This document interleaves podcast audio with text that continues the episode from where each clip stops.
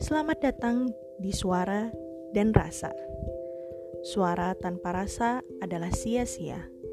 Cerita tanpa suara adalah bayangan. Cerita tanpa rasa adalah hampa. Maka dengarkan cerita dari suara dan rasa. Menceritakan kisah dengan rasa dan mendengarkan dengan rasa.